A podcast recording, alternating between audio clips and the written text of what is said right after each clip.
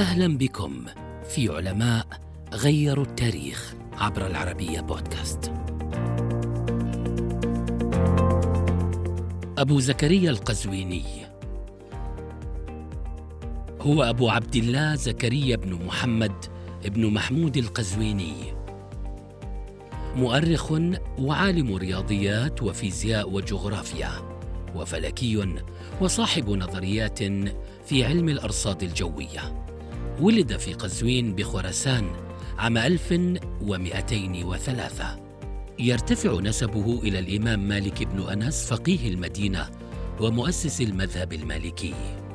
تلقى العلم في خراسان ثم رحل في شبابه ليبحث عن العلم في حواضر العالم الإسلامي. زار دمشق ليدرس على علمائها ثم ذهب إلى العراق وتولى قضاء بغداد في خلافة المستعصم العباسي. عاصر غزو المغول بقيادة هولاكو لبغداد وزوال الدولة العباسية. كان قوي الملاحظة غزير العلم وقام برصد العديد من الظواهر البيولوجية التي أسست لعلم الحيوان. في كتابه عجائب المخلوقات وغرائب الموجودات ركز على ذكر تأثير البلاد في النبات والحيوان وهو الأساس الذي بنيت عليه نظرية التطور. طرق مجالات علمية لم تكن معروفة في عصره مثل الجيولوجيا والأرصاد الجوية وكتب عنها ملاحظات قيمة.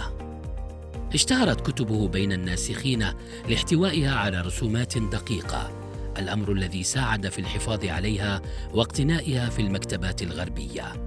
توفي عام 1283 في بغداد عن ثمانين عاماً.